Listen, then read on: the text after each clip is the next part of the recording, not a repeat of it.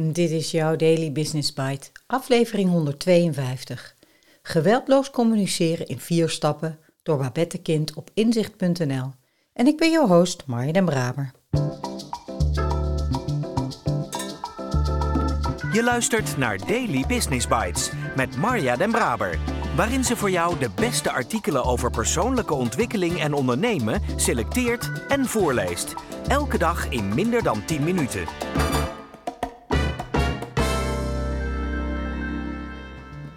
Een hele fijne dag en welkom terug bij de Daily Business Bites. Of welkom als je voor de eerste keer luistert. Dit is de podcast waarin ik je de beste artikelen voorlees die je kan vinden over ondernemen en persoonlijke ontwikkeling. Soms een beetje te enthousiast, maar ik kan het niet helpen. Ik houd van het onderwerp en van lezen. Dus dank dat je met mij meeluistert vandaag en elke dag. De wijze waarop je communiceert is van grote invloed op het resultaat dat je krijgt in zowel persoonlijke als professionele contexten. Wanneer je kiest voor een verbindende communicatievorm waarin je verantwoordelijkheid neemt voor wat je voelt, ervaart en wenst, neemt de kans op respect, begrip en een win-win uitkomst voor zowel de zender als ontvanger toe. Geweldloos communiceren is zo'n verbindende vorm van communicatie en in onze beleving een essentieel onderdeel in effectieve communicatie en professionele groei. Marshall B. Rosenberg beschrijft in zijn boek Geweldloze Communicatie 2011 deze dynamische communicatietechniek waarbij empathie als rode draad wordt gezien om in verbinding met jezelf en elkaar te komen. In dit artikel delen we het effect van geweldloze communicatie en de vier stappen hierin waarnemen, gevoelens uiten, behoeften onderkennen en verzoeken tot actie. Geweldloze communicatie is een manier van communiceren gericht op gezamenlijke waarden en behoeften. Zie het als een manier om in gesprek te gaan met onszelf en de ander, waarin je duidelijk bent over wat jij voelt en ervaart en je verantwoordelijkheid neemt voor jouw gevoelens en behoeften. Het doel is om tot verbinding te komen, zodat er bereidheid ontstaat om te uiten en luisteren. Vanuit deze wederzijdse bereidheid kunnen win-win situaties ontstaan voor zowel de zender als ontvanger. Geweldloze communicatie stelt ons volgens Marshall in staat om echt contact te maken met onszelf en de ander, waardoor ons natuurlijk mededogen kan gaan stromen. Het verdiept het luisteren, bevordert respect en empathie, waardoor de natuurlijke behoefte ontstaat om te geven. Win-win. Het is een vorm van communiceren die gebruikt kan worden in persoonlijke relaties, op het werk en met kinderen. Het is bedoeld om kenbaar te maken wat het effect van iemands handelen heeft op jou en of om een wens of verzoek uit te spreken richting de ander. De intentie is daarbij om enerzijds het gevoel en de behoefte van jezelf en de ander uit te vragen, wederzijds empathie te ervaren en te verbinden.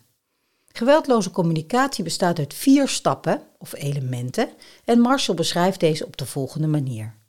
1. Waarnemen zonder oordeel. Het eerste element van geweldloze communicatie is de waarneming. Hierbij is het belangrijk dat er een scheiding wordt aangebracht tussen waarnemen en oordelen. Als we waarnemen combineren met oordelen, zullen anderen dit al snel als kritiek opvatten en zich afzetten tegen wat we zeggen. Wanneer je geweldloos wilt communiceren, vermijd dan statische generalisaties zoals altijd, vaak, het is zo, goed of slecht, je bent. In plaats daarvan onderscheid je jouw waarneming van het oordeel, zoals als je hardop praat raak ik afgeleid, in plaats van je bent echt luidruchtig. 2. Het uiten van onze gevoelens. Het tweede element van geweldloze communicatie is het uiten van onze gevoelens. Door een woordenschat te ontwikkelen waarmee we specifieke emoties duidelijk kunnen identificeren en benoemen, kunnen we gemakkelijker een band met elkaar aangaan. Als we onszelf kwetsbaar durven op te stellen, kan dit bijdragen aan het oplossen van conflicten. Het is belangrijk om hierin onderscheid te maken tussen woorden die werkelijke gevoelens weergeven en woorden of uitspraken die gedachten, beoordelingen en interpretaties beschrijven. 3. Het onderkennen van de behoefte achter onze gevoelens. Het derde element van geweldloze communicatie is het onderkennen van de behoefte achter onze gevoelens. Wat anderen zeggen en doen kan wel de aanleiding, maar nooit de oorzaak van onze gevoelens zijn. Als iemand zich negatief uit, kunnen we daar op vier manieren op ingaan. Onszelf de schuld geven, de ander de schuld geven, ons bewust maken van onze eigen gevoelens en behoeften, ons bewust maken van de gevoelens en behoeften achter de negatieve boodschap. 4. Verzoeken tot concrete actie, zonder eis. Het vierde element van geweldloze communicatie heeft betrekking op de vraag wat we elkaar willen verzoeken om een win-win situatie te creëren. Hierbij is het zaak om vage, abstracte of onduidelijke bewoordingen te vermijden en positieve actietaal te gebruiken door duidelijk te stellen wat we wel in plaats van niet zouden willen. Hoe duidelijker we zijn in wat we terug willen horen wanneer we spreken, hoe groter de kans dat we dit ook krijgen. Verzoeken worden geïnterpreteerd als een eis wanneer anderen menen dat ze afgekeurd of gestraft zullen worden als ze er niet aan voldoen. We kunnen de ander het vertrouwen geven dat het om een verzoek gaat door aan te geven dat we alleen willen dat de ander instemt, als dit uit vrije wil gebeurt. Daarnaast is het handig om na te gaan of onze boodschap is gehoord zoals bedoeld, omdat wat we zeggen niet altijd datgene is wat wordt gehoord.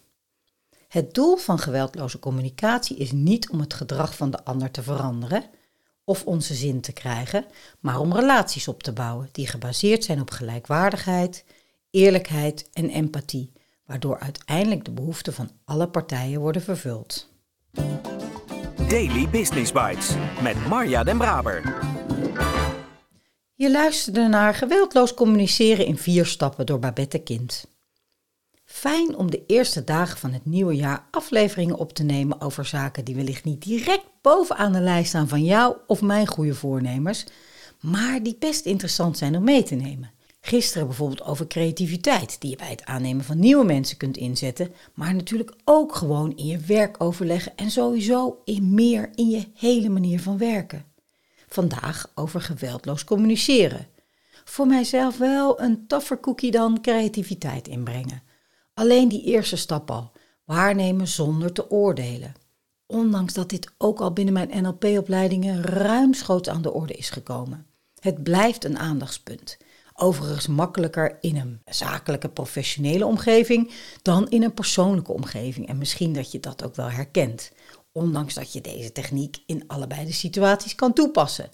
Pas als ik deze vaardigheden ook in mijn gezin of bij mijn moeder kan toepassen, weet ik zeker dat ik ze me helemaal eigen heb gemaakt. Heel fijn dus dat Babette deze vier stappen zo duidelijk op een rijtje zet en als belangrijke reminder meegeeft: het is niet bedoeld om het gedrag van de ander te veranderen of om je zin te krijgen. Dat is jammer, maar om relaties op te bouwen. Ik ben heel benieuwd hoe makkelijk dit jou afgaat of welke van de vier punten jouw extra aandacht verdient. Hoor het graag en ik spreek je morgen weer.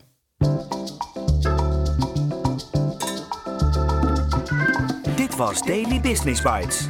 Wil je vaker voorgelezen worden? Abonneer je dan op de podcast in je favoriete podcast-app. Meer weten? Klik op de links in de show notes.